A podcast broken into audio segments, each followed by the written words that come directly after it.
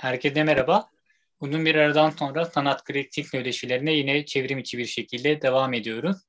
E, bugün e, Ahmet Büke ile yeni kitabı, son romanı Deli İbrahim Divanı üzerine konuşacağız. E, bu sohbetimizde ben İstanbul'dan, Ahmet Bey de İzmir'den katılacak. Romanın yazıldığı diyardan diyelim. Öncelikle teklifimi kabul ettiğiniz ve bu akşam bizimle olduğunuz için çok teşekkür ederiz Ahmet Bey. Ben teşekkür ederim. Sağ olun. Ee, Ahmet Bey son olarak birkaç gün önce Vedat Türkili roman e, ödülüne de değer görüldü Deli İbrahim Divanı ile. Bu anlamda e, bizim için hoş bir denklik oldu aslında. E, ben kısaca Ahmet Bey'in e, biyografisinden başlayarak sohbetimde e, giriş yapmak istiyorum. E, Ahmet Büke 1970'te Manisa'nın Gördek ilçesinde doğdu. İlk ve orta öğrenimini Gördek'te, liseyi İzmir Atatürk Lisesi'nde tamamladı. Bir süre e, ODTÜ Jeoloji Mühendisliğinde okudu. 1997'de 9 Eylül Üniversitesi İktisadi ve İdari Bilimler Fakültesi İktisat Bölümünden mezun oldu. Öyküleri E, Adam Öykü, Ünlem, Patika, İmge Öyküler, Öncür Edebiyat, Eşikceni, Notos Öykü, Yeni Yadı, H, Sus, Har gibi edebiyat dergilerinde yayınlandı. 2004'te İzmir Postası'nın adamlarını, 2006'da Çiğdem Külahı'nı, 2008'de Alnı Mavide'yi, 2010'da Kumru'nun gördüğünü, 2011'de Ekmek ve Zeytini, 2012'de Cazibe İstasyonu'nu ve geçtiğimiz aylarda 2021'in son döneminde de Deli İbrahim Divanı'nı yayınladı. E, Deli İbrahim e, Divanı aslında birçok karakterin hikayesini anlatan e, bir deniz e, anlatısı olarak görülebilecek bir kitap. E, İzmir'in, e, Gördek'in ve e, aslında Ege kültürünün yoğun bir şekilde hissedildiği bir e, roman. Bu anlamda son dönemde aslında İstanbul e, çerçevesinde gelişen edebiyatlara, e, romanlara karşı da önemli bir aslında altyapı, farklı bir e, değer taşıyor bizim için. Ee, ben ilk olarak aslında e, romanın en önemli e, mevzu bahislerinden biriyle e, konuya giriş yapmak istiyorum. Deli İbrahim Divanı birçok anlamda aslında bir deniz hikayesi olarak yorumlanabilecek, görülebilecek bir eser. Bu anlamda işte kitabı okurken de sonrasında üzerine düşünürken de Kemal Bilbaşar'ın işte Denizlerin Çağrışı gibi, Can Deniz'in Çağrışı romanı gibi işte Mobilik romanı gibi denizle ciddi anlamda iletişim kuran, ondan faydalanan ve denizin kokusunun e, bir de ciddi anlamda hissettirebilen, yakından duyurabilen bir e, roman Deli İbrahim Divanı. Bu anlamda da aslında e, oldukça özel ve özerk bir yere de yerleştiğini bir söyleyebilirim. Gerek Türk Edebiyatı gerekli de dünya edebiyatı e, çerçevesinde. E, öncelikle e, bir deniz hikayesi olarak Deli İbrahim Divanı'nın nasıl gün yüzüne çıktığını ve bizlere nasıl ulaştığını sorarak başlamak istiyorum Ahmet Bey. Teşekkür ederim. Evet bu biraz Ege e, hikayesi. Ee, tabii ama benim diğer öykülerim de aşağı yukarı hemen hemen hepsi bu coğrafyaya ait. Ee, evet yani aslında evrensel meseleleri anlatıyorum ama bu coğrafyaya ayağım basıyor. Yani dolayısıyla ilk öykülerimi yazdığım günden itibaren İstanbul'u bir yazar olmadım. yani biraz taşradan edebiyata bakan bir yazar oldum ama bundan da biraz benim de aslında mutlu olduğum bir şey. Ee, doğduğum, büyüdüğüm e, beni var eden toprakları, insanları, kültürü anlatmak hoşuma gidiyor aslında.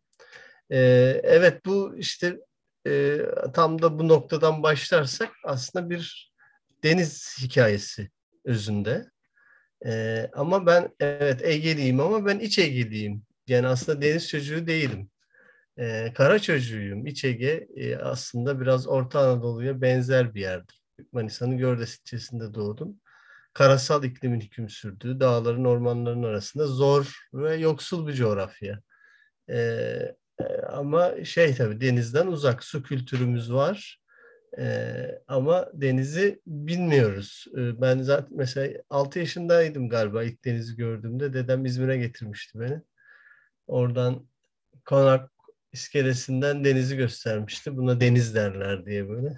Kocaman sonsuz bir su kütlesi görmüştüm ve çok şaşırmıştım. Hiç bu kadar büyük su kütlesi bir arada tahayyül edememiştim ben görünceye kadar. Ee, sonra da çok denizle o kadar temasım olmadı. Yani hayatımda henüz bir balık tutmadım mesela. Ee, ama e, bu öykü bir işte balık bir adada geçen bir balıkçı ailenin birkaç kuşak öyküsüydü.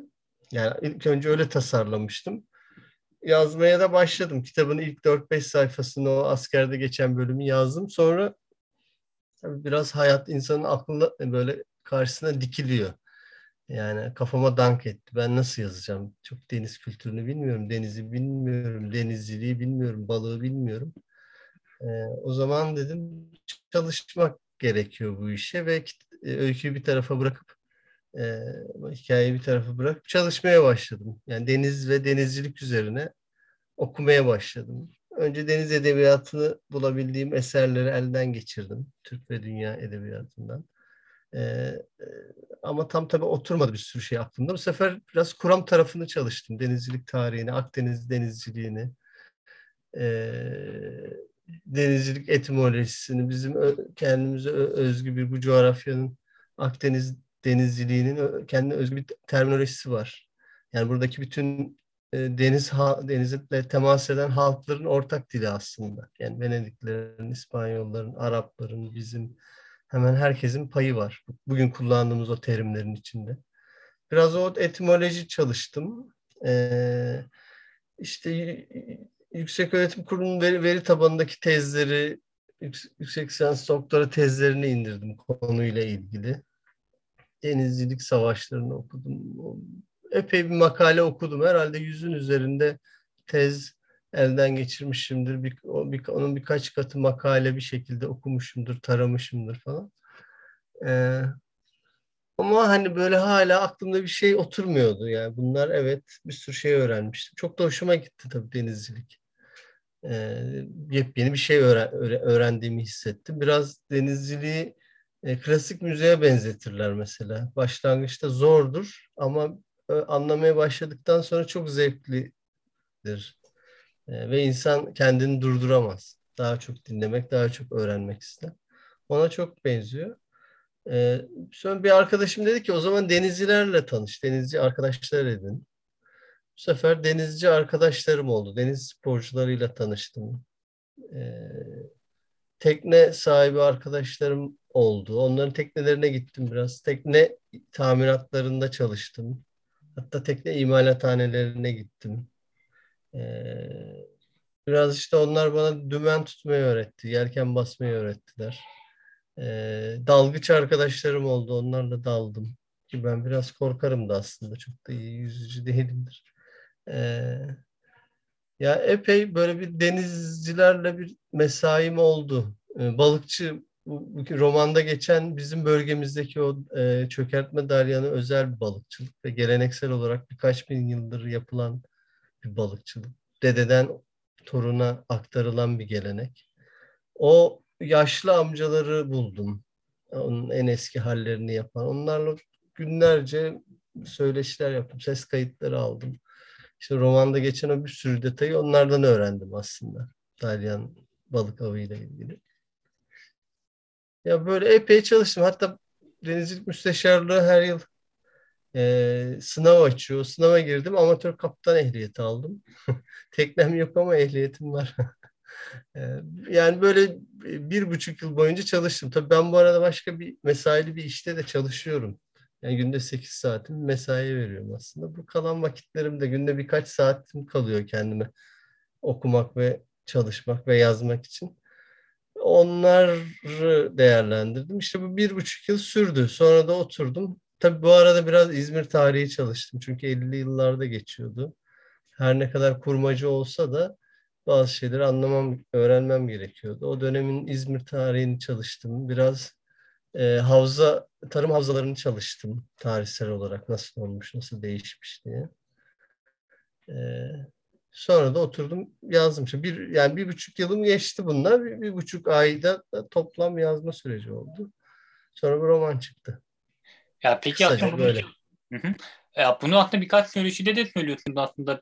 Bir romanı bir buçuk ay gibi bir sürede tamamlamak ve hani bunu oldukça kompakt bir şekilde e, sunabilmek bence büyük bir hani arka planında ciddi bir çalışmanın da bir de olduğunu getiriyor. Çünkü her ne kadar e, kafada hikaye kurgulanta da bir buçuk ayda gene de bunu tamamlamak büyük iş. Peki o bir buçuk ayda sürekli yatarak mı e, romanı işlediğiniz veya nasıl bir hani e, roman yazma mesaisi e, sürdürdüğünüz acaba? Yani tabii bütün zaman kendime ait değildi ama o böyle tam salgının bize eve kapadığı dönemlere denk geliyor geldi. Yani biraz daha vaktim oldu Yani günde bir saatim, iki saatim değil de üç ya da dört saatimi ayırabildim e, o süre zarfında. Onun biraz faydası oldu. O yüzden bir buçuk ay yani öyle olmasa belki üç ay sürerdi ama bir buçuk ayda bitti. Bir de tabii şey ya ben kurgulayarak yazmıyorum. Hani öyküleri de öyle yazıyordum. Başım böyle başından sona e, oturup kurgulayıp yaz e, yazmamışım. Romanı da roman da öyle oldu. Yani başka türlü yazmayı bilmediğim için muhtemelen hani roman yazmak için doğru bir yöntem değil. Yani daha mühendislik bir iş. E, ama benim bildiğim tek yol buydu. Bununla başladım. E, Birçok şeyi yazarken geliştirdim tabii o bağlantıları. Sadece bir şansım oldu. E, işte hikayenin aşağı yukarı metnin üçte birinden fazlasını yazmıştım ki finale finalde karar verdim. Yani ben bu hikayeyi bu finalle bitireceğim diye karar verdim. Ondan sonra hep o finale göre yazmaya başladım. O işimi kolaylaştırdı ve hızlandırdı aslında. Ee, ama yani böyle biraz daha planlı programlı yapılandırılmış e, mühendislik çalışmayı bilsem daha kolay yazardım herhalde. Peki o zaman hemen şunu sorayım. Ee, madem e, planlanmadı hani e, gelişim nasıl gelişeceği, peki size e, romanın başlatıcı esas unsuru ne oldu sizin için? Belirli bir karakter oldu mu? Şununla ben başladım veya hikaye hakkında şu olayla başladığını dediğiniz net bir şey oldu mu acaba? Yani bu Os yani Osman'la başlamayı düşün. Çünkü bir, yıllar önce bir arkadaşım bana bir adada yaşayan bir adamı anlatmıştı. Böyle bir adada yaşayan e, balıkçı, hayatta kalmaya çalışan birini anlatmıştı. O hep aklıma takılmıştı benim. Bir adada hayatta kalmaya çalışmak. Yani tek başına, adada tek başına yaşayan birisi değil ama o kalabalığın içinde tek başına e, hayatta kalmaya çalışıyor. E, o hep aklıma takılmıştı. Osman or yani işte o oydu muhtemelen. E, dolayısıyla o aslında başlatıcı bir e, şey oldu. Hareket oldu. Dolayısıyla Osman'ı düşünerek yazmaya başladım ama tabii böyle yayılarak genişledi hikaye. Ee, burada aslında biraz önce kısaca değinmiştiniz ancak e, şunu da merak ediyorum. Özellikle son yıllarda e, denizcilikle ilgili işte İhsan Oktayanar'ın romanları ön plana çıktı. Amat gibi, Suskunlar gibi son romanı Tiamat'ta e, gerek deniz, denizcilik terimleri, denizde yaşantının nasıl olduğu gibi birçok metin aslında e, bu edebiyatta, bu romanlarda İhsan Oktay Anar tarafından ciddi bir şekilde aslında ne diyelim Türk okuruna bir aşinalık kazandırdı. E, bu anlamda sizin romanında da işte denizle, denizcilik kültürüyle, e, Ege insanının denizle kurduğu ilişkiyle ciddi bir şekilde ilişkilenen bir roman.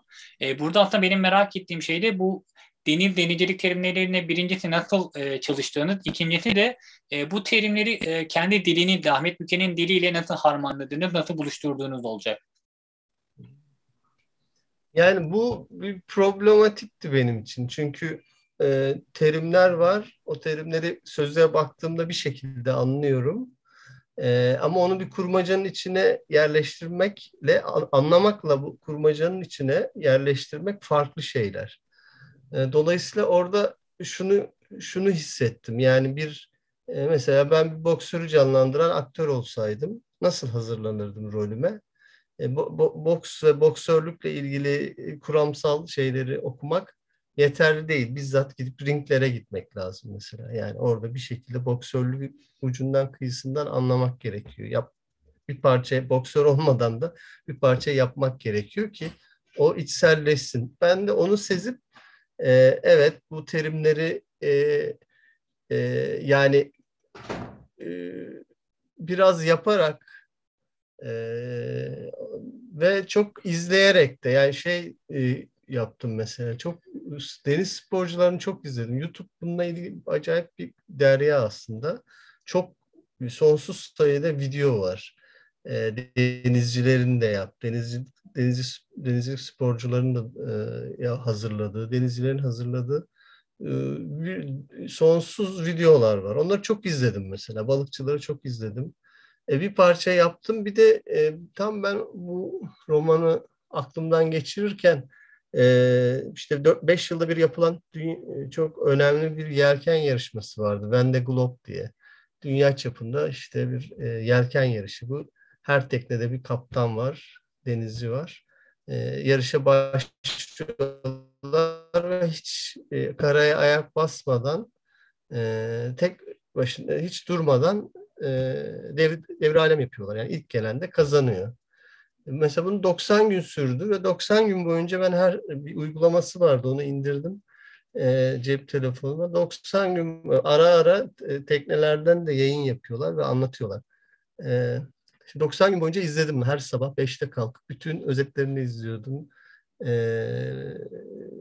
tekne özetlerini, tekne kayıtlarını izliyordum ve orada kullanılan tabii terimler İngilizce. Onların bizim denizcilik dilindeki karşılıklarını bulup ha bu, bu demekmiş. Yani işte Orsa'ya kalktığında şu olduğu zaman şöyle oluyormuş. Ha bu böyleymiş. Evet ana yelken e, şöyle işte camadana vuruluyormuş. Bilmem. Bütün bu detayları öğrendim. Biraz da yapanlarla çalıştım. Bir parça da yaptım. E, oturdu. E, ama tabii vaktim ve imkanım olsaydı yani mesela yelken kurslarını araştırdım. Çok pahalıydı. Onlara gidemedim. Biraz vaktim olsaydı biraz imkanım olsaydı yani bir, bir 6-7 ay daha yelken de yapıyor olsaydım, e, yapmış olsaydım muhtemelen çok daha iyi kullanırdım bu terimleri. Peki şeyi de sormak istiyorum. Biz bunu özellikle birkaç arkadaşımla da konuştuk aslında. Şimdi Ahmet e, Bey bu kitabın e, türü olarak nereye yerleştirmek konusunda e, birkaç arkadaşım Deli Brand Divanı'nın aslında bir novella olarak e, görülebileceğini söyledi. E, birkaç kişi de e, roman formuna yakın olduğunu vesaire söyledi. Bu anlamda e, bu aslında çok da büyük bir tartışma konusu değil ancak sizin Deli İbrahim Divanı'nı nasıl tanımlayabildiğini de veya nasıl tanımlanmak istediğini de ayrıca sormak istiyorum. Arkadaşlarım da özellikle bunu sormamı ilettiler mesela. Yani benim çok böyle aklımda takılan bir şey değil. Çünkü şu açıdan ben kendim mesela öykücü olarak görmüyorum bunu epey bir söyledim. E, buna benzer sorulardı. Pek böyle öykücü gibi öykücü değilim ben. Romancı değilim de değilim. Ben hikaye anlatıcısıyım. Yani hikaye anlatıyorum aslında. Anlatmaya değer iyi hikayeler bulup onları da iyi bir edebiyatta anlatmaya çalışıyorum. Dolayısıyla buna uygun form neyse o kendini doğuruyor. Bazen bunu senaryoyla yapıyorum. Bazen çocuk çocuk kitaplarıyla e, bazı öyküyle anlatabiliyorum. Bu bunu yazarken hissettim ki böyle daha uzun uzun uzun bunu anlatabileceğim. Öyle bir imkan var bu hikayenin içinde. Dolayısıyla bu oldu. Ama hani bu e, birkaç öyle eleştiri okudum. Bu bir roman değil. E, aslında uzun hikaye. E, ya da novella ya da başarısız bir roman bu açıdan diye böyle edebiyat eleştirileri var. Olabilir hani çok da beni mutsuz eden şeyler değil bunlar. Ben bir hikaye anlatmak istedim ve o hikayeyi iyi anlattığımı düşünüyorum. Yani bunu, bunu bir şekilde becerdiğimi hissediyorum. O yeterli benim için. Tabii tabii zaten e, malum formsal konular aslında daha dışarıdan bakılan ve hani belki bir kitabı bir yere yerleştirmeye çabasıyla girişilen konular. Bu anlamda aslında çok da büyük geçerlilikleri ve yazar nedeniyle çok büyük bir karşılığı yok zaten. Bu birçok yazarla da konuştuğumuz meselelerden birisi. Bir kitabı illa bir roman, e, öykü veya herhangi bir format sokmak gibi bir zorunluluk zaten o eserin doğasına da aykırı, e, yaratıcısının gayetine de aykırı bir şey. Bu anlamda dediğiniz şeyler de çok doğru aslında. Ee, burada birazcık da aslında karakterlerden e, bahsetmek istiyorum. E, Deli İbrahim Divanı'nın birçok karakteri var aslında. E, direkt kitaba ismini veren Deli İbrahim var. Balıkçı var, Osman var, Yusuf Reis var, Leyla var, Eczacı Süleyman var, onun e, babası var. Birçok karakter var burada ve e, biz şunu görüyoruz ki bu e, her bir karakterin kendi hikayesinde, e, kendi hikayesinin içerisinde başlayıp biten bir serüveni var aslında. Burada hikayesinin yarım kalan kimse yok. E, ve ben şunu sormak istiyorum. Burada bence birçok başat karakter de var. Yani Deli İbrahim olmadan bu hikaye olmaz. Osman olmadan bu hikaye olmaz. Yusuf Reis olmadan olmaz. E, bu kitabın başat karakteri sizce kim? Odak noktası e, Osman mıdır? Nasıl yaklaşmak gerekir sizce? Yoksa bunların hepsi bir e, bütün olarak bir araya geldiğinde mi bütün olaylar anlamlanır?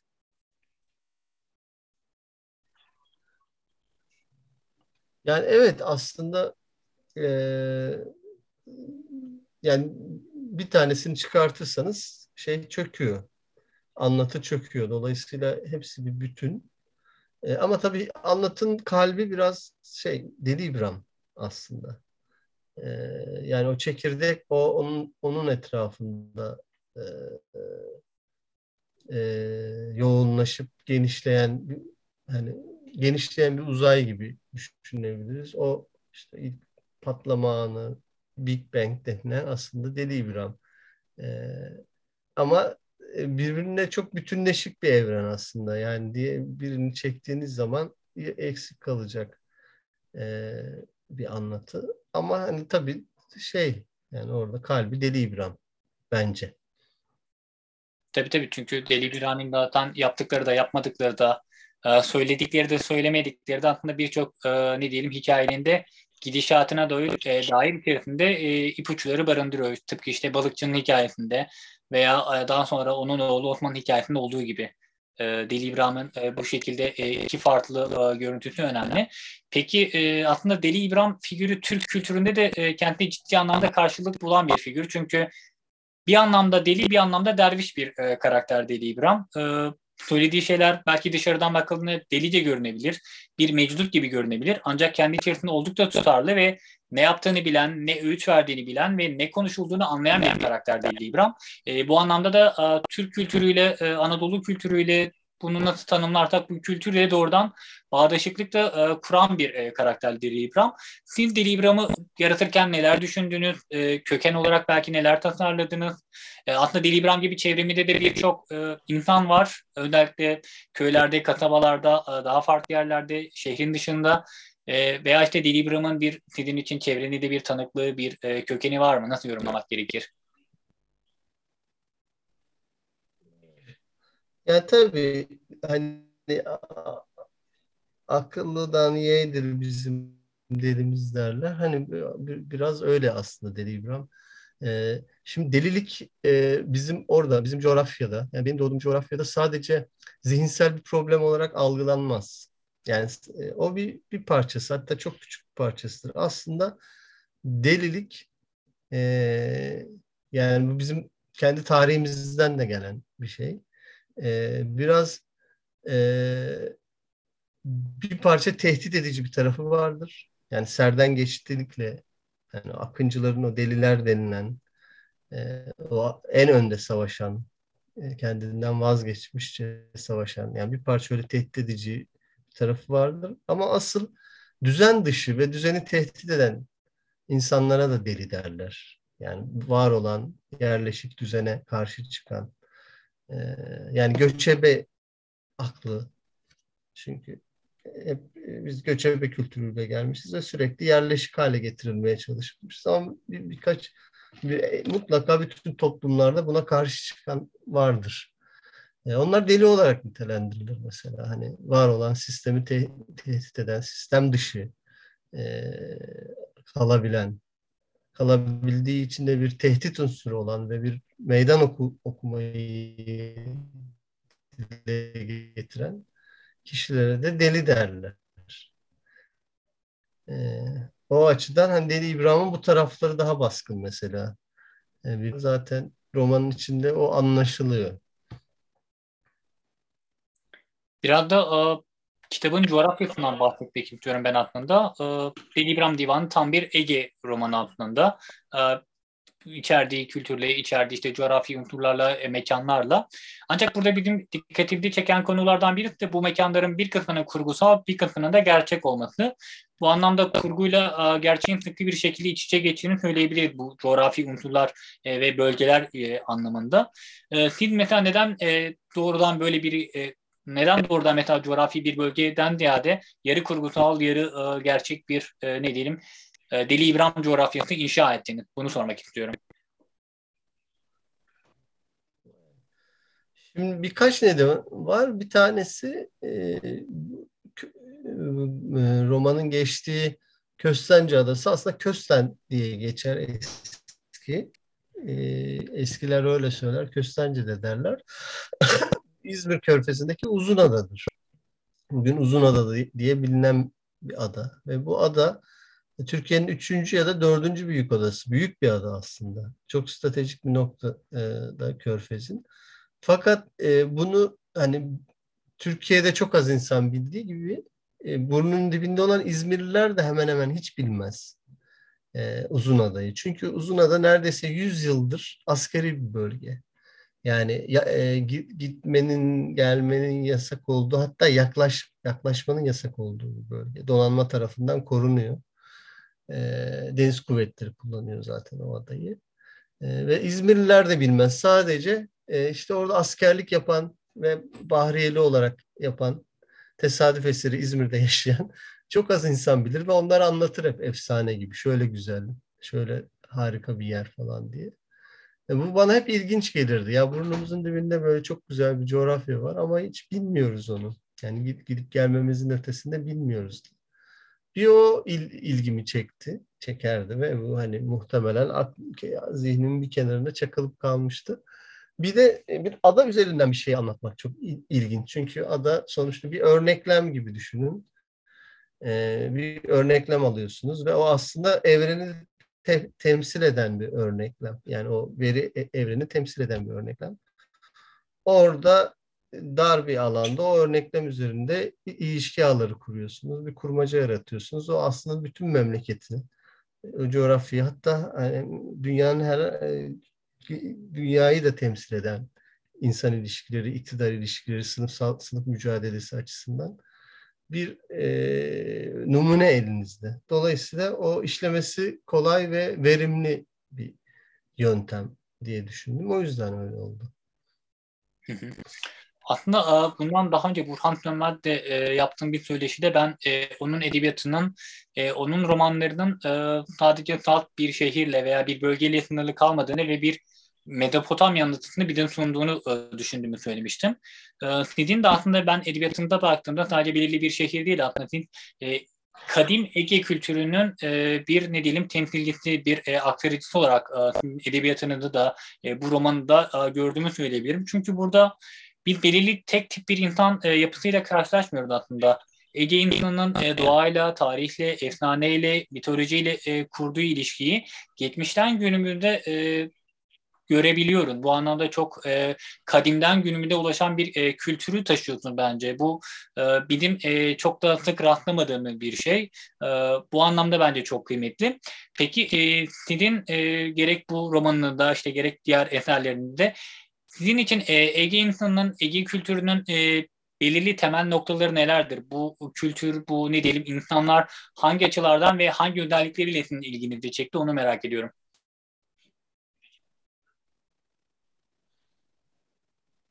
Ya bir kere tabii içine doğduğum bir kültür. Böyle çok da yani sevdiğim bir coğrafya. Böyle yani e, İstanbul'da ve Ankara'da yaşadım uzun zaman. E, ama hep kendimi buraya ait hissettim. Yani hep kalbimin bir tarafı bur- buradaydı ve çok da severim gidip gelmeyi. Memleketime gördese işte doğduğum yerlere. Ee, yani biraz benim edebiyatım da burası kurduğu için sanırım e, öyle bir bağ var. E, şimdi e, böyle çok hani içinden geldiğiniz yeri çok nesnel bir şekilde anlatamazsınız ama yani edebiyatımın nasıl buradan çıktığını çok kısaca anlatayım. Niye o yüzden ben durmadan buraya anlatıyorum. Biraz anlaşılır belki. Şimdi ben e, doğduğum coğrafya e, göçebelerin yaşadığı yörük, yörük coğrafyası. Tabii onlar zaman içinde yer, yerleşik hale gelmişler ama kültürleri devam ediyor. Biz de Karakeçili yörüklerindeyiz. Benim ve benim bütün büyüklerim, e, babaannem, dedem, babam e, aynı zamanda çok iyi masal ve hikaye anlatıcılarıydı. Yani bizim evimiz, babam babam manifaturacıydı. Onun dükkanı e, masal ve hikaye dinlemeye gelenlerle dolup taşardı. Ee, ve bizde hikaye anlatıcılığı, sözlü edebiyat hikaye anlatıcılığı e, böyle bir e, hayatla birebir karşılığı olan bir şeydi. Yani hikaye üzerinden e, iletişim kurulur, hikaye üzerinden duygular aktarılırdı. Yani ben sana kızgınım diye değil de e, kızgınlık üzerine bir hikaye anlatılır. Orada kimin neden kızgın olduğu anlaşılırdı. Mesela ben hani dedem bana ya yalan söylemek yakaladığı zaman yalan söylediğimi küçük bir çocukken işte yalan söylemek çok ayıptır, e, günahtır falan değil de şey de bak sana bir şey anlatayım. Evvel zamanda çobanın birisi diye başlardı. Yalancı çoban hikayesini anlatırdı ve o zaman aa çok küçük yaşta böyle yani şeyi kavrardım yani çok kötü bir şey. Yalan söylerse insanın başı belaya girerdi. Aslında hikaye ve masalların şeyi budur. Ee, yani bizim e, evrimimiz içinde, kültürel evrimimizin içinde de bu kadar güçlü olmasının ve bugün de edebiyatın hikayeler üzerinden dönmesinin nedeni o. Bir karşılığı var. İhtiyacımız var çünkü hikayelere. E, dolayısıyla ben de çok küçük yaşta bu böyle bir dünyanın içinde doğdum. Ama benim şansım şu oldu. Babam aynı zamanda iyi bir edebiyat okuruydu. Yani ortaokul mezunu bir esnaftı babam, manifaturacıydı ama işte o, o dönemin insanları aynı zamanda iyi okur olanlar da vardı. Babam da onlardan biriydi ve ben çok küçük yaşlardan itibaren e, yazılı iyi nitelikli edebiyatla da tanıştım. Yani babamın dükkanında Türk klasikleri, dünya klasikleri bol miktarda vardı. Ve çok küçük yaşlardan itibaren onları okudum. Eğer o tanışıklığım olmasaydı muhtemelen ben de babam gibi, babaannem gibi işte kahvede ya da evde arkadaşlarına hikaye anlatan, masal anlatan birisi olurdum. Benim farkım öyle bir ailenin tırnak içinde modern bir devamı olan de, birey olarak edebiyatla, yazılı edebiyatla tanışmam oldu. Dolayısıyla bu sözlü ve yazılı edebiyat üst üste gelince ve bu coğrafyadan da doğduğu için dönüp dolaşıp buraya anlatıyorum. E, ve her şeyi de burada bulup e, aktarabiliyorum. Peki burada şeyi de sormak istiyorum ayrıca. Bu romanın aslında önemli bir e, tarihselliği de var. İşte 20. yüzyılın başından özellikle işte Çanakkale Savaşı'ndan başlayan, e, yan anlatılarla desteklenen ve işte Demokrat Parti yılları ardından yaşananların da anlatıldığı bir tarihsel demini de var. Bu anlamda e, Deli Divanı aynı zamanda bir tür e, dönem romanı olarak yorumlanmaya, e, üzerine düşünülmeye de müsait e, bir kitap. Peki neden özellikle mesela tarihsel olarak bu süreci seçtiniz? Bunu sormak istiyorum. Evet. Çünkü 50'li yıllar çok özel bir dönem. Hem Ege bölgesi için hem Türkiye için çok özel bir periyot. E, yani toplumsal ilişkilerin alt üst olduğu, sınıfsal e, çelişkilerin derinleştiği, siyasetin yeniden kurulduğu, yani tek partiden çok partili hayata geçildiği, e, e bununla birlikte işte ekonominin ray değiştirdiği e, bir dönem. Dolayısıyla çok velüt bir dönem. Yani çok malzemenin çok olduğu, hikayenin çok olduğu bir dönem. Ee, e, ve ben bu dönem daha önce iktisat mezunu olduğum için e, Türkiye İktisat Tarihi benim en sevdiğim derslerden biriydi. O zaman da bu dönemi çok okumuştum ve çalışmıştım. Bir de bunu sahada da çalışmıştım. Ege Havzalarında o yılların değişimiyle ilgili işte aile hikayeleri derlenen bir çalışmanın bir saha elemanıydım. Orada bizzat aile hikayelerinden de bu dönemi çalışmıştım. Mesela Söke Ovası'nda Böyle 90 yaşında bir amcayla görüşme yapmıştım. E, büyük toprak ağası bunlar. Ama şey anlatmıştı bana işte 40'lı yıllarda biz toprak ağasıydık ama e, ilkokulda yanımda oturan bizim tarlada çalışan çocukla hemen hemen aynı ayakkabıyı giyiyorduk. Yani bizim evimizde tavuk vardı. Onlarda yumurta yoktu. O kadardı farkımız. Ama 50'li yıllarda buraya devlet su işleri geldi. Büyük kanallar açtı. Su geldi. Söke Ovası'nda ee, bizim ekilebilir alanlarımız 10 kat, 20 kat, 50 kat arttı ve pamuk ekmeye başladık. İşte o zaman büyük para kazandık. O zaman zenginle yoksulun ne demek olduğu o zaman anlaşıldı. Çünkü bizim her şeyimiz vardı. E, onların ise çok az şey vardı diye anlatmıştı mesela. Yani ve hep bunlar bu dönem olmuş. Yani aşağı yukarı toplumsal uçurumun o uçurum makasının birbirine yakın olduğu bir dönemden çok farklı işte toplumsal çelişkilerin, sınıfsal çelişkilerin e, gerçekten büyüdüğü, dolayısıyla buna karşılık da sınıf çatışmasının hararetlendiği bir dönem. Siyasetin yeniden kurulduğu bir dönem. O yüzden bunu anlatmayı tercih ettim. Ve bu denizcilik, işte Yunus Avu falan filan da onun da coştuğu dönemler tabii. Peki burada konuda açılmışken sorayım mesela Yunus Yunus Avı'nın anlatılma biçimi oldukça dramatik, oldukça sarsıcı aslında.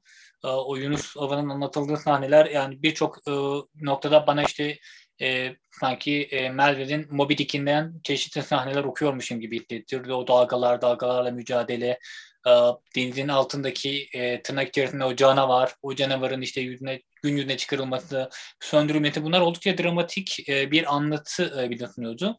Mesela hikayenin e, belki odak noktalarından birisi bu anlamda Yunuslar. Çünkü Yunuslar üzerinden kurulan anlatı çok kıymetli. Ee, neden özellikle Yunuslar, Yunuslar üzerinden kurulan bir anlatı? Sizin için özel bir anlamı var mı bu hikayenin? E, bir tabii biz söylencelerde hani Yunus yani Yunus peygamberden gelen e, e, çok güçlü bir anlatı damarı var.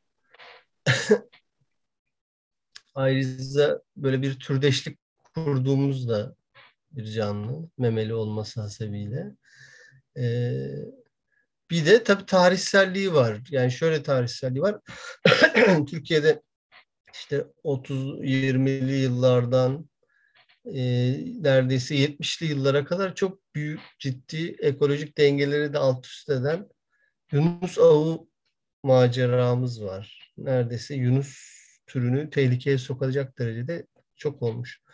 E, bu aslında daha eskiye dayanan e, birkaç yüzyıllık, yüzyıllık geleneğe olan e, balina avcılığıyla ilişkili. Çünkü balina yağı e, endüstriyel bir yani ticari ticari bir mal.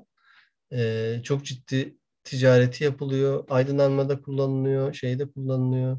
Kozmetik sanayinde, tıp, tıpta kullanılıyor. Böyle çok ta- talep edilen bir mal.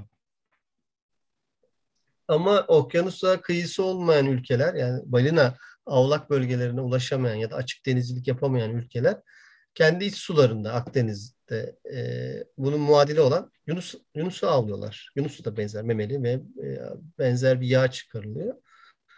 E, dolayısıyla çok yoğun Yunus avı yapılmış Türkiye'de ve bunu ben arşivlerden de epey bir araştırmıştım. İşte bu daha endüstriyel av nasıl yaparız diye süngüden silaha geçmesi, işte barut desteği, sonra gemilerle, av gemileriyle bunu mesela Sovyet gemiler, Sovyet denizcilerinden onu öğrenmişler. İşte av gemileriyle bunu yapalım.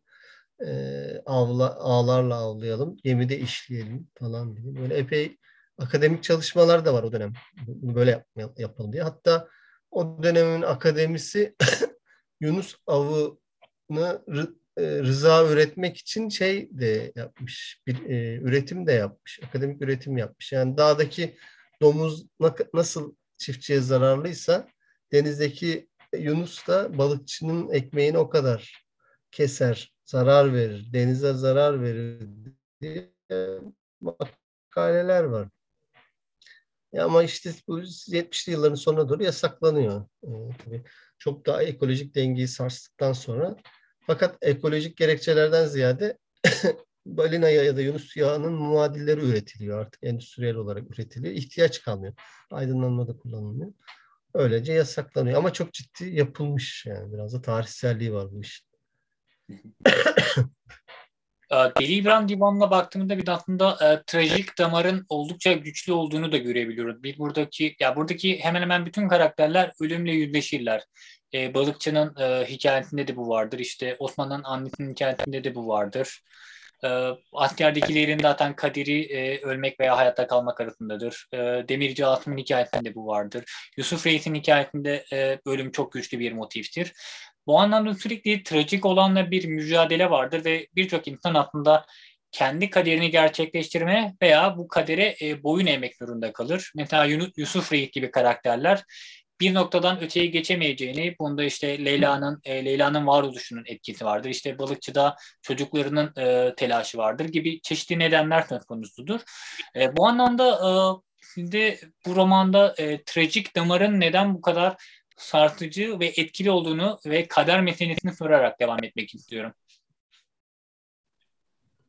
Evet, yani e, sarsıcı ama bence bunun sarsıcı olması hani ölüm mevzusunun çok e, dönüp dolaşıp anlatılmasından ziyade e, ölümle hayatın yan yana e, aktarılması ve aslında en son Deli İbrahim'in dediği gibi Osman'a asıl olan yaşamaktır meselesine gelip bağlanması. Yani bu hayatta kavga var, savaş var, bundan kaçamayabiliriz.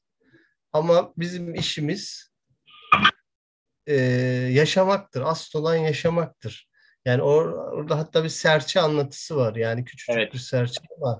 Yaşama inadı vardır. Serçeyi yaşatan o yaşama inadıdır. Aslında oradaki anlatılan mesele o. Zayıfız, güçsüzüz, azız belki e, ama e, yaşama inadımız var. Evet ölüm bizi çevrelemiş. E, zaman zaman da sınıyor ve ondan kaçışımız yok belki son noktada. Ama e, asıl olan burada yaşamaktır. Yaşama inadı, inadı yani yaşatmaktır. Yaşama yani öl, şey diyor. Yani öleceksen bile bir işe yarasın. E, başka ya işe yaramak orada başkasının hayatını değiştirmek elbette. Başkalarının hayatını, arkadan arkadakilerin bize benzeyen arkadakilerin hayatını değiştirmek. Yani dolayısıyla gene bir hayata, yaşamaya, tekrar kurmaya, tekrar tutunmaya kapı açan bir şey. Dolayısıyla o, e, bunların yan yana olup e, bu e, birinin başat olması biraz da şey yap yani e, trajik olanı güçlendiriyor galiba. Kesinlikle. Burada aslında trajediden de bahsettik. Biraz önce Deli İbrahim karakterinden de bahsettik. Buradan belki biraz Osman karakterine gelebiliriz. Çünkü bu romandaki önemli karakterlerden, bütün hikayeyi şekillendiren, biçimlendiren karakterlerden birisi Osman. Zaten perdede Osman'la çıkır, daha sonra Deli İbrahim'le kapanır. Osman'ın hikayesine bir baktığımızda aslında tam bir büyüme hikayesiyle karşılaşıyoruz. Bu anlamda bence bu kitabı bir building roman şeklinde yaklaşmak da mümkün. çünkü Osman'ın bir çocukluğunu, anne babasıyla olan ilişkisini, işte eğitim hayatını, dayısıyla e, olan ilişkisini, meslek öğrenme serüvenini, evlenmeye kadar giden, intikam, intikam almaya kadar giden e, geniş bir süreci görüyoruz. Bu anlamda Osman'ın hayatının e, neredeyse tamamının bir okur olarak tanığı oluruz. E, bu Osman karakterinin e, romandaki e, rolünü, yerini e, ve bu büyüme hikayesini sormak istiyorum size. Evet. Tabii Osman'ın büyüme ve aslında o kahramanın tırnak içinde kahramanın yolculuğu. Ee, evet. Yani doğduğu evinden çıkar romanın sonunda tekrar evine dönüyor ama bambaşka birisi olarak dönüyor. Çünkü o yol ve yolculuk onu değiştiriyor. Kahramanın yolculuğu var. Ee, ya bir de e, aslında orada ol, olgunlaşmasından da ben hep şunu an, anlıyorum. Ee, yani Osman çok intikamla ilgili biri değil aslında.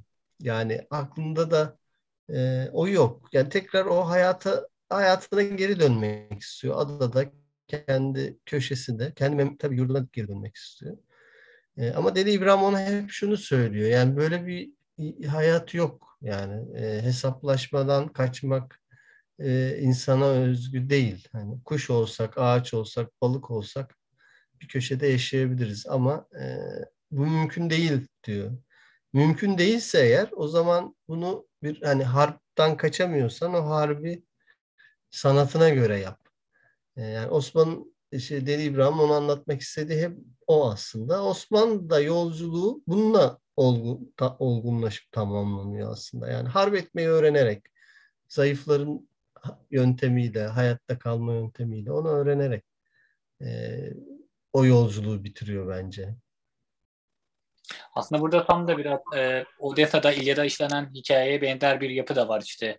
Evden ayrılma ve eve daha güçlü bir şekilde dönme hikayesi söz konusu. Bu da zaten herhalde yolculuk ve eve dönüş. Bütün bir dünya edebiyatını, bütün bir e, kadim kültürleri herhalde besleyen, destekleyen veya yorumlayan en önemli aslında anlasın zeminlerinden birisi. Burada aslında e, az önce Deli İbrahim'den de bahsettik. Bu romanda aslında iki tane e, çok özel hikaye anlatıcı karakter de var. E, birincisi bunların bence Deli İbrahim'dir. Deli İbrahim'in anlattıkları, söyledikleri çok önemlidir. İkincisi de e, iki tane de gördüğümüz ve e, çok az görmemize rağmen aslında oldukça etkili olan bir karakterdir. Bu da e, kör adam.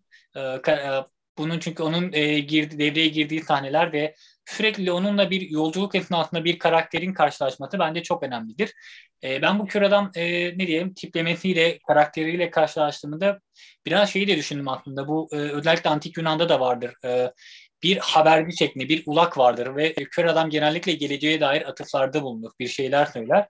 Bu anlamda e, bu kör adam bana e, mitosları da mitolojileri de ciddi anlamda düşündürdü e, bu romanda. Aynı zamanda işte hikayenin bir e, Ege, Antik Yunan hikayesinde içerisinde barındırıyor olması. E, öte taraftan işte dedin e, bu romanda çeşitli yan anlatılar kurmadı. Mesela yaratılış destanını e, yeniden üretmenin gibi işte eşkıya tiplemelerini yeniden üretmenin ve onların üzerinden yeni anlatılar kurmanın gibi. Burada bu yan anlatıların, mitosların, mitolojik unsurların e, sizi nasıl beslediğini veya e, nasıl bir aslında altyapısı olduğunu sormak istiyorum. Evet. Bu tabii bu romana çalışmadan önce e, epey uzun zaman bunları okudum. Tabii böyle bir, bir şey yazacağımı düşünerek değil de benim genelde öyle oluyor. Bir, bir meseleyi aklıma takıyorum. Onu aylarca bazen bir, birkaç yıl okuyorum. Ee, yani e, ne işime yarar diye pek okumuyorum ben mesela. Bu nedir diye oku, okuyorum. Sonra o olmadık bir yerde aslında e, işime yarıyor tırnak içinde. Bunda da biraz öyle oldu. Çok uzun süre e, işte bu antik Yunan hikayelerini okumuştum. Sonra e, bizim eski Anadolu söylencelerini okudum. Türk mitolojisi çok okudum. Ee, eski Türk destanlarını çok okudum. Ee, onlar çok sarsıcıydı benim, sarsıcı değil mi? Çok etkileyiciydi benim için. Çünkü bir kısmı aslında benim işte doğduğum yerde anlatılan meseleler. Ee, yani işte çok şey babaanneme onu anlatırdı mesela çocukken işte e, üstü insan altı keçi olan e, yaratıkların geldiğini şeye işte yanlarındaki koruya orada işte kaval çaldıklarını falan anlattı. Böyle masal gibi anlatırdı bana. Ama hani gerçekten böyle oldu diye çocukken anlatırdı. E ondan sonra bir sürü hikayede e, neye tekabül ettiklerini e, anlayınca çok şaşırdım mesela. Hani babaannem o kitap okur birisi değildi. Okumayı sonradan akşam mekteplerinde öğrenmiş yani o Cumhuriyet'ten sonra. Muhtemelen onlar hiç okumadı ama onlar hep anlatılmış. E, komşularından duymuştur belki, belki kendi arkadaşlarından. E, yani bu mesela yeniden doğma hikayesi çok e, şeydi. E, romanda da geçiyor işte. E, Osman'ın annesinin şeyin Deli İbrahim'in annesinin mezarından geri çıkması, geri doğması. Orada bir yaşlı balıkçı da de, diyor zaten Goro, Goroğlu oldu diyor. O aslında Köroğlu hikayesi. Bizim bildiğimiz Köroğlu hikayesinin en eski formlarından birisi. Yani işte Kör, Gor mezar demek eski Türkçe'de. Ee, annesi Goroğlu'na hamileyken bey onu öldürür annesini ve gömerler. Mezarda Gor, Goroğlu annesinin karnından doğar e, ve toprağa aranayarak mezardan çıkar. Onu bulan köylüler Goroğlu'nu büyütürler. O da hem kendi halkının hem annesinin intikamını alır sonra beyden. Yani aslında bu işte e, mezardan bir doğum çıkması çok şey işte ölümden hayat doğar şey anlatısı aslında. Yani bir bitişten bir başlangıç doğar. En kötü andan bir iyilik, bir imkan çıkar. Gecenin en karanlık anından gün doğar. Hep bu bizim hikayelerimizdir ve çok e, bizdendir ve bizi çok etkilerler. Bunu bir romanın bir anlatının içinde geçtiğinde de o çok sevilir mesela. Ben çok arkadaşıma sordum. E, o kısmı çok hoşlarına gitmiş mesela Deli İbrahim tekrar geri dönmesi. Aslında e, kurgu içinde güzel bir, bir şeye tekabül ediyor ama çok daha arkada ve çok daha altta bir bir şey var o bizi mutlu etmesi. Çünkü bu muhtemelen bir Köroğlu hikayesi olduğu için ve bizden bir şey olduğu için. E, aslında buna benzer bir şey e, burada Demirci Hatun ile e, Balıkçı'da da var. Onlar da işte Çanakkale Savaşı'nda savaşan iki askerdir. İşte e, onların işte ölme hikayesi ve yeniden e, neredeyse dirilme hikayesi vardı. Çünkü aynı şekilde tıpkı Deli İbrahim'de olduğu gibi onlar da bir çukurdan çıkarlar ve öldü sanılırken aslında hayatta oldukları evet. fark edilir vesaire. Bu anlamda e, bunlar arasında da çeşitli paralellikler var. Burada da tam hatta şunu sormak istiyorum.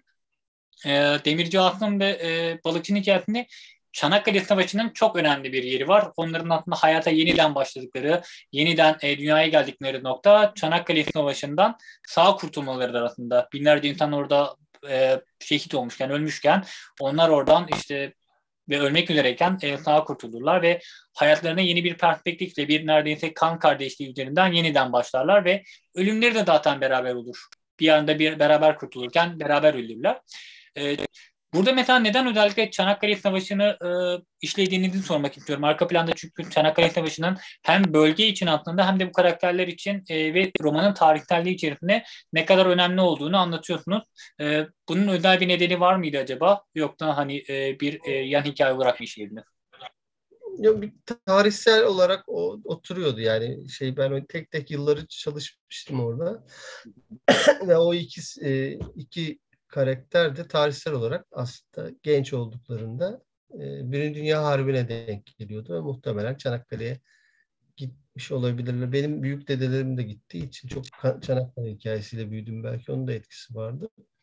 Bir de tabii ama şey yani Çanakkale bu coğrafyada hemen herkesin katıldığı bir e, seferberlik. Yani her hemen her evden bir hikayesi vardır. Çanakkale hikayesi vardır. E, ama hemen onu takip eden Kurtuluş Savaşı öyle değildir mesela.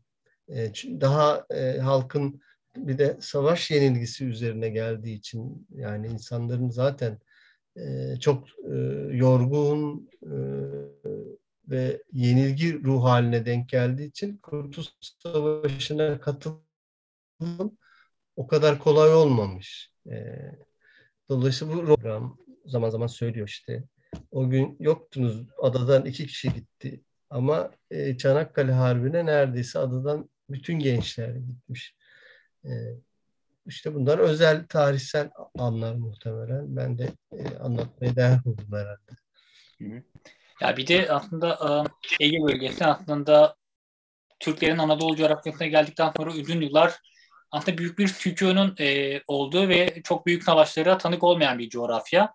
Herhalde e, Ege bölgesi dediğimde aklımda işte Truva Savaşı'ndan sonra bir tek herhalde Çanakkale e, Savaşı gelir. Aradaki belki uzun tarihler süreçte çok büyük mücadeleler söz konusu değildir. Hani arada küçük çaplı savaşlar vardır. Mesela ben burada şeyi de biraz düşünmüştüm. Özellikle biri e, Fatih Sultan Mehmet'e biri Mustafa Kemal Paşa'ya atfedilen hikaye, vardır işte. E, biri İstanbul'u aldığında işte Truva'nın intikamını aldık şeklinde bir atıf yapılır. Bir de işte Kurtuluş Savaşı ile beraber o İzmir bölgesi alındığında işte tekrar Truva'nın intikamını aldık. Tekrar hani Evet. Burayı temizledik gibi bir e, atıf yapılır. Bu anlamda işte hem Truva'ya e, giden bir yolda hem de Çanakkale Savaşı'nın e, bu şekilde işlenmesi bence aslında birbiriyle konuşan ve o tarihsel Ege e, coğrafyası içerisinde yerine oturan bence değerli taşlar gibi görüyorum ben bunu. Bu da benim e, aslında aklımdaki yorumlardan biriydi. E, buradan bir anda aslında e, gerek bu köftence gerekli bu coğrafyadaki bir iktidar mücadelesine gelmek istiyorum. Çünkü bu da oldukça önemli bir mesele. Ee, özellikle işte e, biraz önce bahsettiğiniz buradaki insanların birincisi e, zenginleşme süreci, ikincisi haksız zenginleşme süreci vardır. E, bu e, ilk olarak romanda belki de ilk kuşak olarak e, tanımlayabileceğimiz Lina Mehmet karakteriyle başlar e, o haksız bir şekilde zenginleşen bir karakterdir. Ve aslında onun ailesi de soyu da bu haksız zenginleşmeyi e, çok sert bir şekilde belki daha profesyonel bir şekilde, daha e, oturaklı bir şekilde devam ettirir. İşte Eczacı Süleyman da e, daha sonra dedesinden devraldığı bu mirası çok daha sert e, kurallarla, e, hamlelerle devam ettirir. E, Burada aslında bu iktidar mücadelesi çok da evrensel bir konu. E, günümüz için de bir de çok şey söyleyen, e, Türkiye'nin e, gelişimine dair de işte liberalizme dair de işte Demokrat Parti, Cumhuriyet Halk Partisi e, ne diyelim çatışmasına dair de e, birçok şey söyleyen e, bir konu. E, siz bu iktidar mücadelesini e, Eczacı Süleyman e, ve Balıkçı daha sonra Osman çatışması üzerinden nasıl işlemek istedin? Bunu sormak istiyorum. Yani şimdi e, düşündüğümüzde işte Çanakkale Harbi ile başlayalım gene. Adada herkes gidiyor. Evet. Yani zengin de yoksulu da seferberliğe gidiyor. Kurtuluş Savaşı'na gene kısmen katılım var. E, ama e, zaferden sonra bir, bir müddet sonra oyun kuralı değişiyor mesela. Yani orada yan yana dövüşen e, insanlar e, bu sefer işte mesela e, bir sınıf mücadelesi, sınıf kavgası da başka bir şeyde karşı yan yanayken bu sefer karşı karşıya gelmeye başlıyorlar. E, güçlülerin başka bir pozisyon tutuşu var. İşte hatta diyor işte Halk Partisi şapkasını bıraktı, Demokrat Partisi şapkasını giydi diyor. E, bu hani benim, benim coğrafyamda da çok anlatılan bir şeydir işte. E, e, sa, sa, Savaşı sonrası sınıfsal pozisyonlarını almaları insanların e, ona göre e, siyasetin biçimlenmesi. Burada da öyle. E, bir Eczacı Süleyman ve onun işte dedesinden gelen e, ait olduğu sınıf bir hegemonya kuruyor adada. E, güçlü onlar, kuralları onlar belirliyor. Hatta siyasette karışmadan siyaseti onlar yapıyor. Yani siyaset kendileri çünkü. Kuralları kendileri belirliyor, sınıfsal pozisyonları kendileri belirliyor. Ekonomik e, rol paylaşımını onlar belirliyor. E, mülk, mülk, mülk paylaşımını, mülksüzleşmeyi, zenginleşmeyi onlar belirliyor. Dolayısıyla bir hegemonya kuruyorlar. E, bu da aslında hikayede onu anlatıyor. O hegemonyaya karşı direnenlerin e, karşı hegemonya ya da akışı, karşı akış var olan hegemonyayı aşındırıp karşı hegemonya kurma mücadeleleri. Aslında bir deniz ve ekoloji romanı olmasının ötesinde en özünde bu var. Bir sınıf mücadelesini, sınıf kavgasını anlatıyor. Romanın başında bir aslında şeyle karşılıyoruz. Romanın açılış sahnetinde işte Yüzbaşı ve Osman vardır. Ee, ara ara bu hikayeye geri dönülür. Burada e, romanlarına dair de biraz sonra e, göreceğimiz mutlu çeşitli sahneler vardır. Bunlardan en önemlisi işte Yüzbaşı'nın eşi e, Aylin Hanım'dan ve e, Terdi Artidi'den bir intikam alma süreci vardır. İşte bunun için Osman'ın devreye girme süreci vardır. E, çok da spoiler vermek istemiyorum aslında eğer okumayanlar varsa dinleyiciler arasında ama şunu da sormadan et, geçmek istemiyorum. Bu çünkü romandaki e, finale dair de bence biraz umut barındıran, e, romanda bir de her şeyin çok da trajik olmadığını, hayatın içerisinde e, onca ölüme rağmen, onca ihanete, onca acıya rağmen bazı şeylerin de güzel olabileceğine, umut var edebileceğine dair de bir e, ne diyelim ipucu veriyor. E, şunu sormak istiyorum. E, neden Osman e, Alin Hanım veya e, ve Terdi Artidi'yi bağışladı, öldürmedi de e, bu hikayede onlara da bir kaçma şansını, hayatlarını başka yerde sürdürme şansı verdi?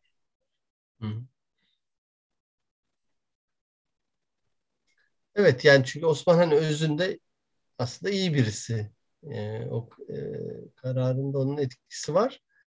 E, ama e, asıl şey de var tabii. Deli İbrahim'in ona söylediği bir şey var. Yani kan dökme.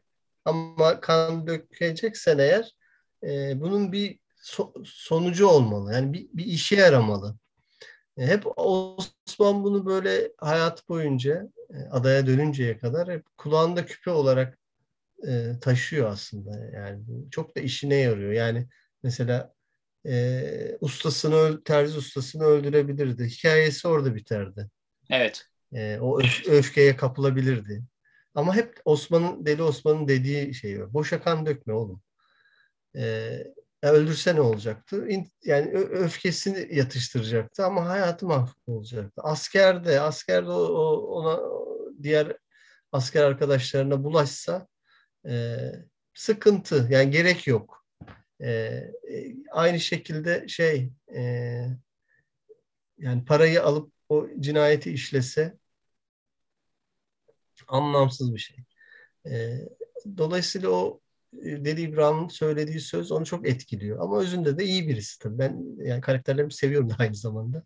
Ee, Osman iyi birisi. Yani arkadaşım olsun isterim mesela. Ee, onun da etkisi var. o zaman Osman'ın hayatındaki çok önemli karakterlerden biri olan birazcık Leyla'dan bahsedelim. Leyla çok görünür olmamakla birlikte aslında e, bir tür tutkal gibi özellikle Yusuf Reis'in hayata tutunmasında, iyi bir şeyler yapmaya çalışmasında e, çok önemli bir rolü var. Aynı şekilde Osman'ın da hayata tutunma mücadelesinde Leyla'nın çok ciddi bir rolü var.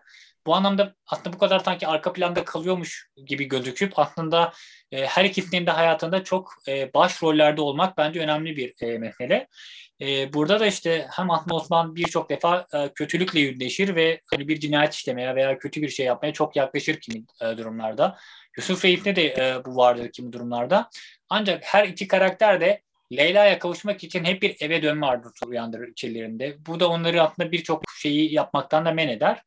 Bu anlamda e, Leyla'nın bu romandaki e, ne diyelim birazcık rolünün masumiyeti simgelemek olduğunu, e, umut barındırmak olduğunu söylemek mümkün olur mu?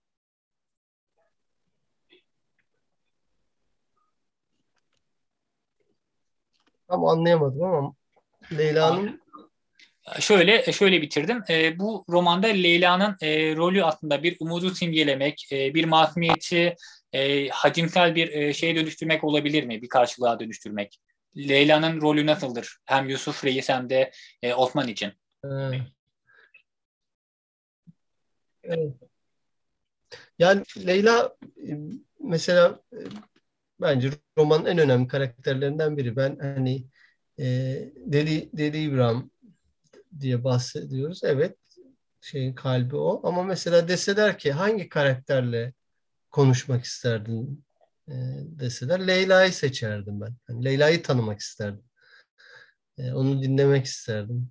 E, çünkü biraz o hayatın mayalandığı bir yerde duruyor ve hayatı mayalayan birisi aslında Leyla. Yusuf Reis'i tekrar hayata bağlıyor. aslında e, Osman'ın intikamdan ziyade hayata adaya dönmesinin nedeni de Leyla. Çünkü e, bir şehirde e, onunla birlikte yaşayamayacağını hissediyor. Yusuf Reis'in yaşamı, o girdiği ilişkiler bir yerde patlayacak ve başlarına bela olacak. Yusuf Reis de zaten gidin buradan diyor. Yani ben kurtaramıyorum kendimi ama siz gidin buradan diyor. Dolayısıyla sırf aslında Leyla ile bir hayat kurmak için e, Osman adaya da dönmek istiyor. E, yani Leyla orada tekrar bir e, Osman da onunla o yüzden hayat tekrar kurmak. Yani Eczacı Süleyman olmasa hiç ya da Eczacı Süleyman bulaşmasa ona aslında Leyla ile birlikte adasında e, yaşayıp gidecek. E, dolayısıyla öyle bir kurucu e, kurucu bir özne aslında Leyla. E, hani böyle bir savu yok romanın. Ama e, dişil bir roman metin olduğunu düşünüyorum ben o yüzden. Yani Leyla var. Aslında ilk kitabı kuran, anlatıyı kuran iki kadın e, işte Rum, Rum bacıyla Saruhan Hatun. Yani bütün anlatının ilk hatta bir Deli İbrahim'e göre o hayattaki anlatının fışkırdığı ilk noktalardan birisi o iki kadın. E, Leyla çok böyle kurucu bir şey. Sonra mesela balıkçının karısı balıkçının karısı kendi hayatının ve çocukların hayatının e, ne e, son vermeye karar verebilecek kadar da güçlü bir kadın. Her gün aş, yaşayacak, yaşamaktansa bir kere ölürüm diyebilen bir kadın. Teslim olmuyor mesela o açıdan. Yani dolayısıyla birçok açı yani bunları üst üste koyduğumuzda böyle bir tarafı da var romanda. Böyle bir amacı yok hani e, ama e, bu da önemli bir özelliği bence. Hı hı. Ya ben burada şeyi de düşünüyorum çünkü özellikle mesela işte kuzuların neslediğinde sadece 8 dakika görünen işte Anthony Hopkins'in aslında çok önemli bir karakteri ve çok önemli bir e, mesajı içerisinde taşıması gibi burada Leyla da çok fazla ön plana çıkmamasına rağmen, çok fazla görünür olmamasına rağmen aslında tüm olayların arka planında e, bir e, yer denir. İşte tıpkı balıkçının e, eşinde olduğu gibi. Bu anlamda işte kadın karakterlerinde tüm bu erkek hegemonyası içerisinde, tüm bu erkeklerin mücadelesi, çatışmaları, iktidar savaşları içerisinde arka planlarında da olsa çok önemli mesajlar, değerler taşıdığını ben düşünüyorum. Ben burada aslında son soruma geçmek istiyorum. Eğer dinleyicilerimden de, izleyicilerimden de eğer sorular varsa e, YouTube'dan da Zoom'dan da e, chat bölümüne yazarak bize iletebilirler. E, son turumda şu aslında e, bu biraz siyasetle alakalı. E, siyaset e, romanın başında da sonunda da aslında dengeli bir şekilde tartışmaya açılan e, konulardan birisi. İşte Eczacı Süleyman'da da, Deli İbrahim'de de var, Balıkçı'da da var. E, bu da e, bir anlamda e, siyasete malzeme olmak veya siyasetin kendisi olmakla alakalı. Burada e, Deli İbrahim ve Eczacı Süleyman aslında farklı kutupları e, sembolize ediyor. Zaten romanın e, özellikle işte Köstence'de geçen bölümünde Demokrat Parti üzerinden, işte Cumhuriyet Halk Partisi üzerinden veya işte buraya açılması planlanan e, fabrika üzerinden e, gündeme gelen bir siyaset belirleme mücadelesinde var. E, burada bu romanda siyaset e, hangi anlamıyla nasıl ve nasıl ne tür bir değer taşır? yani nasıl bir değer taşır onu çok kestiremiyorum ama tabii bu özü, anlatının özü bu si- siyaset. Ee, yani politik bir, bir meseleyi anlatıyor. Ee, yani işte Eczacı Süleyman'ın temsil ettiği sınıf ve sınıflarla e, Os, Deli Osman'ın e, Deli İbrahim'in ve Osman'ın temsil ettiği sınıf ve sınıfların arasındaki çatışmayı e, ve iktidar mücadelesini anlatıyor. Hegemonya mücadelesini anlatıyor. Bu, bu yüzden hani aslında dişinden tırnağına kadar politik bir metin. Ama bunu tabii edebiyat içinde, edebiyatın özgürlüğüne uygun bir şekilde anlatmaya çalıştım. Ama aslında bu bir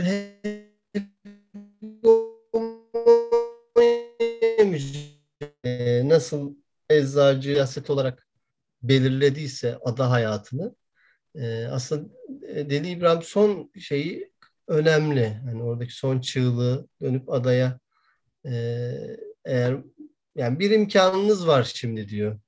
E, orada şunu anlatmak istiyor. Yani e, Eczacı Süleyman fiziksel olarak tasfiye edildi. Ama Eczacı Süleyman'ı Eczacı Süleyman yapan üretim ilişkileri hala adada var. Osman geri döndüğünde eğer adalı, adadaki balıkçılar, adadaki yoksullar, e, ezilenler e, kaderlerini kendi ellerine almazlarsa Osman sonuçta bir birey, bir kişi. Yani kahramanlar sizi kurtaramaz demek istiyor. Yani Osman o üretim ilişkileri Osman'ın bileğini bükebilir veya Osman bizzat Eczacı Süleyman'a dönüşebilir. Bunun o kadar çok örneği var ki yani mazlumken zalime dönüşme hikayesi o kadar çok ki. Dolayısıyla aslında son sözde onu demek istiyor. Yani siz ey adalı kendi kaderine sahip çık. Kendi kaderini kendi ellerine al. Ki bu da aslında bir siyaset olma çağrısı ve hegemonya, karşı hegemonya kurma çağrısı. O yüzden e, özünde bu var. Merkezinde bu var anlamı. Ya son soru dedim ama aslında şu meselenin de tartışmaya açılması gerektiğini e, düşünüyorum. E, köstenciler için e, deniz ile toprak arasında gidip gelen bir hayat var aslında. Hayatlarının bir tarafında e, balık avlamak, e, işte deniz ile e, iletişimde, irtibatlı olmak var. Diğer tarafında da toprak ile e, kurulan sıkı bir bağ var. Bu da işte özellikle zeytinler üzerinden işlenir. Ve hani e, zeytinle balık üzerinden denizle toprak e, birleşir. Ve onların yaşamında doğayla kurulan ciddi bir diyalog vardır. Çünkü bütün yaşamlarını doğaya, doğa olaylarına, mevsimlere, e, denizin onlara karşı e, gösterdiği tepkilere göre belirlerler. E, doğa insan meselesi üzerinden yaklaştığımızda köstencelerin yaşamında e, bu durumun karşılığı nedir? E, denizle toprak onların yaşamında nasıl birleşmiştir? Bu aslında Ege insanı da biraz anlatan bir şey sanırım. Evet aslında bizim de denizcilik maceram denizcilik maceramızı anlatan bir şey. Şimdi biz çok uzun bir dönemdir deniz e, bir deniz coğrafyasında bu coğrafyada yaşıyoruz ama denizci bir halk sayılmıyoruz mesela denizci değiliz aslında. e, bunun temel nedeni de karadan kopamamak. Aslında Köstenceliler bunu çok iyi o romanın içinde an, anlatılıyor. Yani işte balıkçılık yapıyor ama aynı zamanda zeytincilik de yapıyor. Dalyan'ın e, de, karaya bitişik. E, ama denizci halklar nasıldır? Vikingler gibidir. Çıkar bir yıl sonra döner. Dönebilen döner mesela. Denizcilik odur. E, mesela bizim kendi deniz, hatta denizcilerimize bakın. Mesela bir koyda yelkenler e, koylarda gecelerler mesela. Orada e, hangi yer, teknenin yabancı, hangi teknenin Türk olduğunu, buralı olduğunu anlarsınız. Bayrağından değil ama. Mesela yabancı e, yelkenciler, yabancı tekneler biraz alargada demir atarlar, dururlar. Türk tekneler ise kıçtan kara bağlanırlar. Yani demir atar ama kıçtan da karaya halatla bağlarlar kendilerini. Yani hep bir karayla temas etme, karaya dokunma. Yani sen deniz denizcisin, yelkencisin aslında. Hiç buna ihtiyacın yok. Ama gene bir ayağım karada olsun isterim. Ama bu bizim özelliğimiz. Muhtemelen bu, bu yüzden de tam anlamıyla denizci bir halk olamamışız. Ee, yani böyle mesele.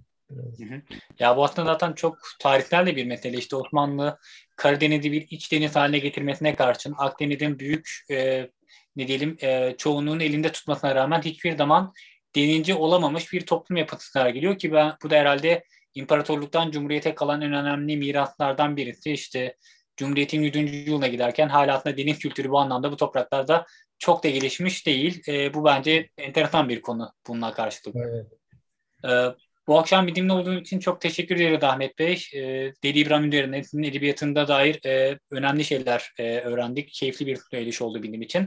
E, çok teşekkür ederiz. E, ben teşekkür ederim. Sağ olun. Ee, önümüzdeki aylarda, önümüzdeki sezonda yeni söyleşilerle tekrar buluşmak üzere o zaman. Ee, herkese iyi akşamlar. Çok teşekkürler. Görüşmek üzere. Sağ olun. Görüşürüz.